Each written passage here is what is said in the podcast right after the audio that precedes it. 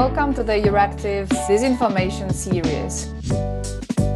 Today I have a great pleasure and honor to talk to Juliane von Reppert-Bismarck, creator of Lie Detectors, an award-winning news literacy project in Europe. Welcome. Thank you, Carolina, for the very nice in- invitation. You used to be a member of the advisory high level expert groups advising European Commission on fake news, disinformation, and media literacy. You have advised policymakers and governments on anti radicalization and platform accountability. Now, please advise our readers, our viewers, our listeners on how to fight disinformation. And so let's begin from the very beginning. How's disinformation a problem? Yes, so thank you very much for placing such an important accent on this um, topic. Like you, we've been worried about disinformation for a long time. And what we've seen very simply is that, particularly now during the pandemic, um, unchecked and viral disinformation working to undermine trust in basic facts, trust these days in science, um, and this really working to undermine the ability of citizens to make simple, informed decisions. And with that, undermining the very basis of the democratic process um, and democratic society, which, after all, relies upon the ability of citizens to make informed decisions. And Lie Detectors, as you said, um, is an independent media literacy organization. We work with professional journalists to tackle disinformation and its corrosive effect on democracy. And we do that by sending journalists into classrooms via video conferencing these days during the pandemic to speak with young people and their teachers on how to tell apart fiction online from facts. Um, how to understand how journalism actually works, um, and by advocating um, at international level for smart policies. Sounds like an incredibly important project, especially nowadays. So, the post truth era started with the fragmentation of traditional news sources and proliferation of social media. What do you consider the greatest threat of disinformation? Well, um, there are many threats. And as I said, the main threat is to democracy. Um, the problem is that the longer we work on this, the longer we see that disinformation continues to adapt, proliferate, and thereby confound even the most experienced fact checkers. We have been relying for a long time on fact checkers and content moderators to delete and eradicate our way out of this problem. Um, but disinformation is really evading detection um, by moving onto those encrypted spaces that we increasingly use to inform ourselves, um, those image and video based um, platforms that are owned often by the largest and most powerful platforms. I'm talking about Instagram, YouTube, also TikTok, and increasingly gaming websites um, and platforms such as Twitch or Discord. And um, this is where people are increasingly gravitating to, to inform themselves. And with very realistic recourse to alternatives, users can stay trapped um, in a cycle of providing data to the platform's algorithms. And this in turn then exacerbates the reach and the effect um, of disinformation. So we're really in a little bit of a vicious cycle which needs to be broken and broken fast.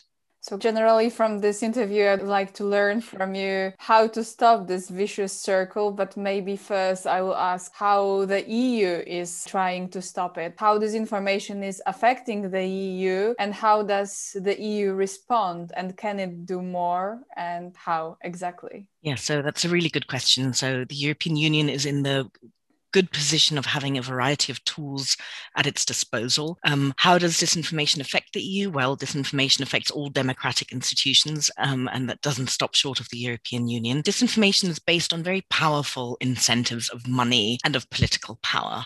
Um, you know, we know that foreign powers to continue to subvert democratic processes via manipulative campaigns.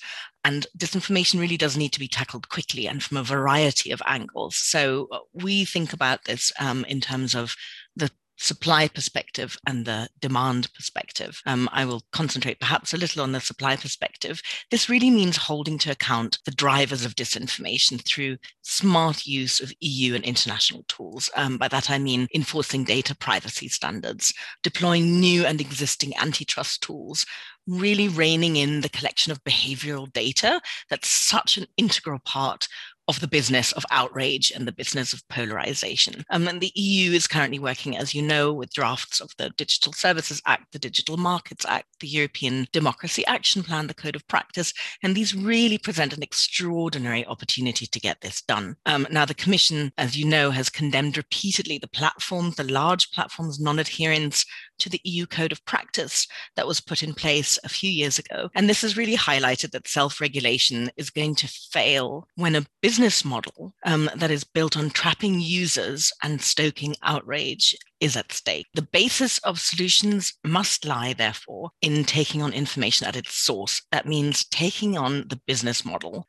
and taking on those elements that monetize lies, as the Commission itself has called it recently. So, following the money and applying existing and new antitrust principles is a fundamental avenue for securing European democracy at this stage. Thank you. How might we then reshape media literacy uh, using emerging technologies that you were talking about and online tools in order to interact with citizens of all ages uh, for their resilience? Yes, and this very much goes to the the other the other perspective that we have to tackle, and that is the demand perspective. Disinformation exists and becomes viral because there is a demand for it. And while we cannot expect citizens to do all the work, and we do need, um, you know, governments uh, and, and policymakers and regulators to step in, there's also something that can be done from the point of view of citizens' resili- resilience. And there we call for three separate acts in the field of media literacy. First, we call for critical media literacy to become an integral part of all school curricula and also of all teacher training curricula so that all teachers, regardless of the subject area, whether they are teaching maths or biology, ethics, um, whether they're teaching young people, whether they're doing further education, can address this issue with their students without qualms or worries. Second, we call for increased investment in media literacy and in teacher training so that the independence of this training is really guaranteed. And that's a very important issue that worries the teaching profession at the moment quite a lot. Fundamentally, we call for media literacy to be considered a core literacy alongside basic literacies like reading, writing, and counting. An additional literacy, the fourth literacy that needs to be added to this is the ability to check a fact.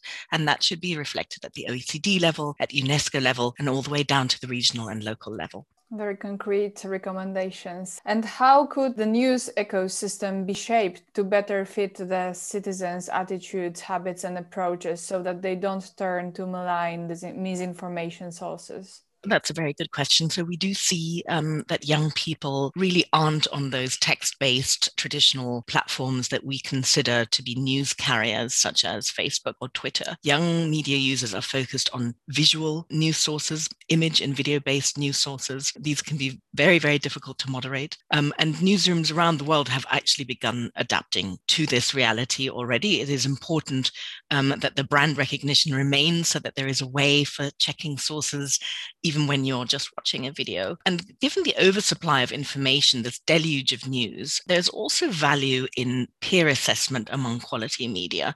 The New York Times does something very interesting here in that when it comes to very high interest news stories. They showcase news coverage and also opinion coverage from across the political media spectrum, as long as it is credible and reliably sourced. So they make space for diverging views, but do actually pinpoint what they consider to be quality and well researched media. So let's maybe now come back to training for a moment and, and look into your practical toolkit. So, what are some of uh, the good practices that you use to help school children and young people improve their media literacy and recognize this and misinformation? Um, so we work with mainly 10 to 15 year olds, um, but we have also adapted our work to working with teachers and even working with adults and even senior citizens. There are various points of best practice that we have identified and that organizations that work in our field um, have also identified. And that is one very important thing is to keep in mind an interactive approach when you are talking about media literacy. This is not about a top down teaching. This is the only way that you can actually ensure that we remain relevant and that media literacy begins and continues to address existing problems in a really rapidly evolving media landscape where diverging news exposure is creating by algorithms and people have very different uh, experiences of what is going on in the world. So it's got to be interactive, it's got to be questions based. Second, we teach children um, very basic journalistic methods. You know, we really have in mind that everyone should have these journalistic methods to hand, and that is the ability to check a source, the ability to check multiple sources. It's what um, the OECD calls multi source literacy, to evaluate the, the, value of the different sources um, and to build knowledge based on that. We also teach the children to think about the context in which images might be appearing, checking the date. It's quite simple. We teach them something which they really love, which is the uh, the reverse image search, which is a little technical trick trick, uh, which can be quite fun to do. And one very important thing also is we really consider it's important to discuss the fact that disinformation exists because there is a demand for it. Um, and also to discuss the issue of confirmation bias, particularly at a time of a pandemic when people are in crisis and people are in need. It can be very easy to reach for disinformation that presents an easy solution or an easy answer to very complicated questions.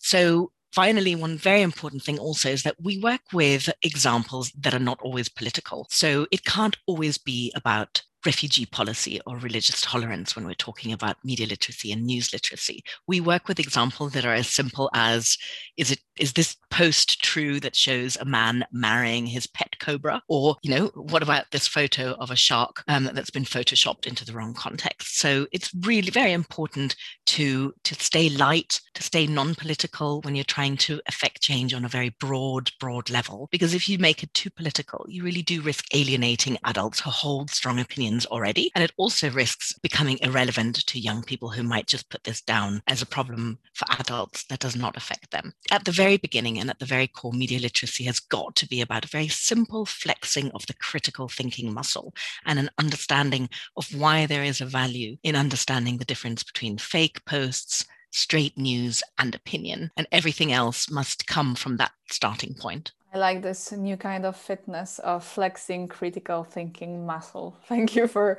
this recommendation. Okay, let's now anchor our talk more in the pandemic. Because of the current health crisis related to COVID, our lives have shifted greatly. Our screen time has soared. Uh, how has this shift into digital life affected our consumption of information? Has it affected our ability to distinguish between fake news and the truth and made us vulnerable, or nothing has changed?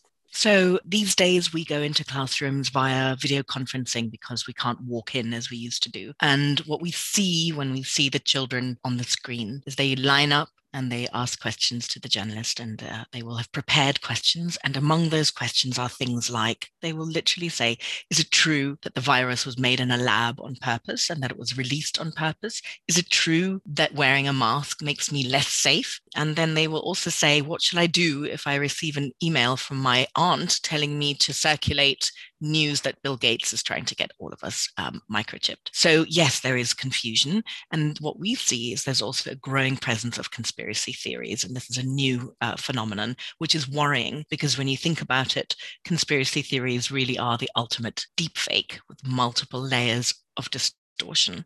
Um, the good news is that people really are interested, possibly more interested than they have ever been. The pandemic has really made this topic more widely and extremely relevant.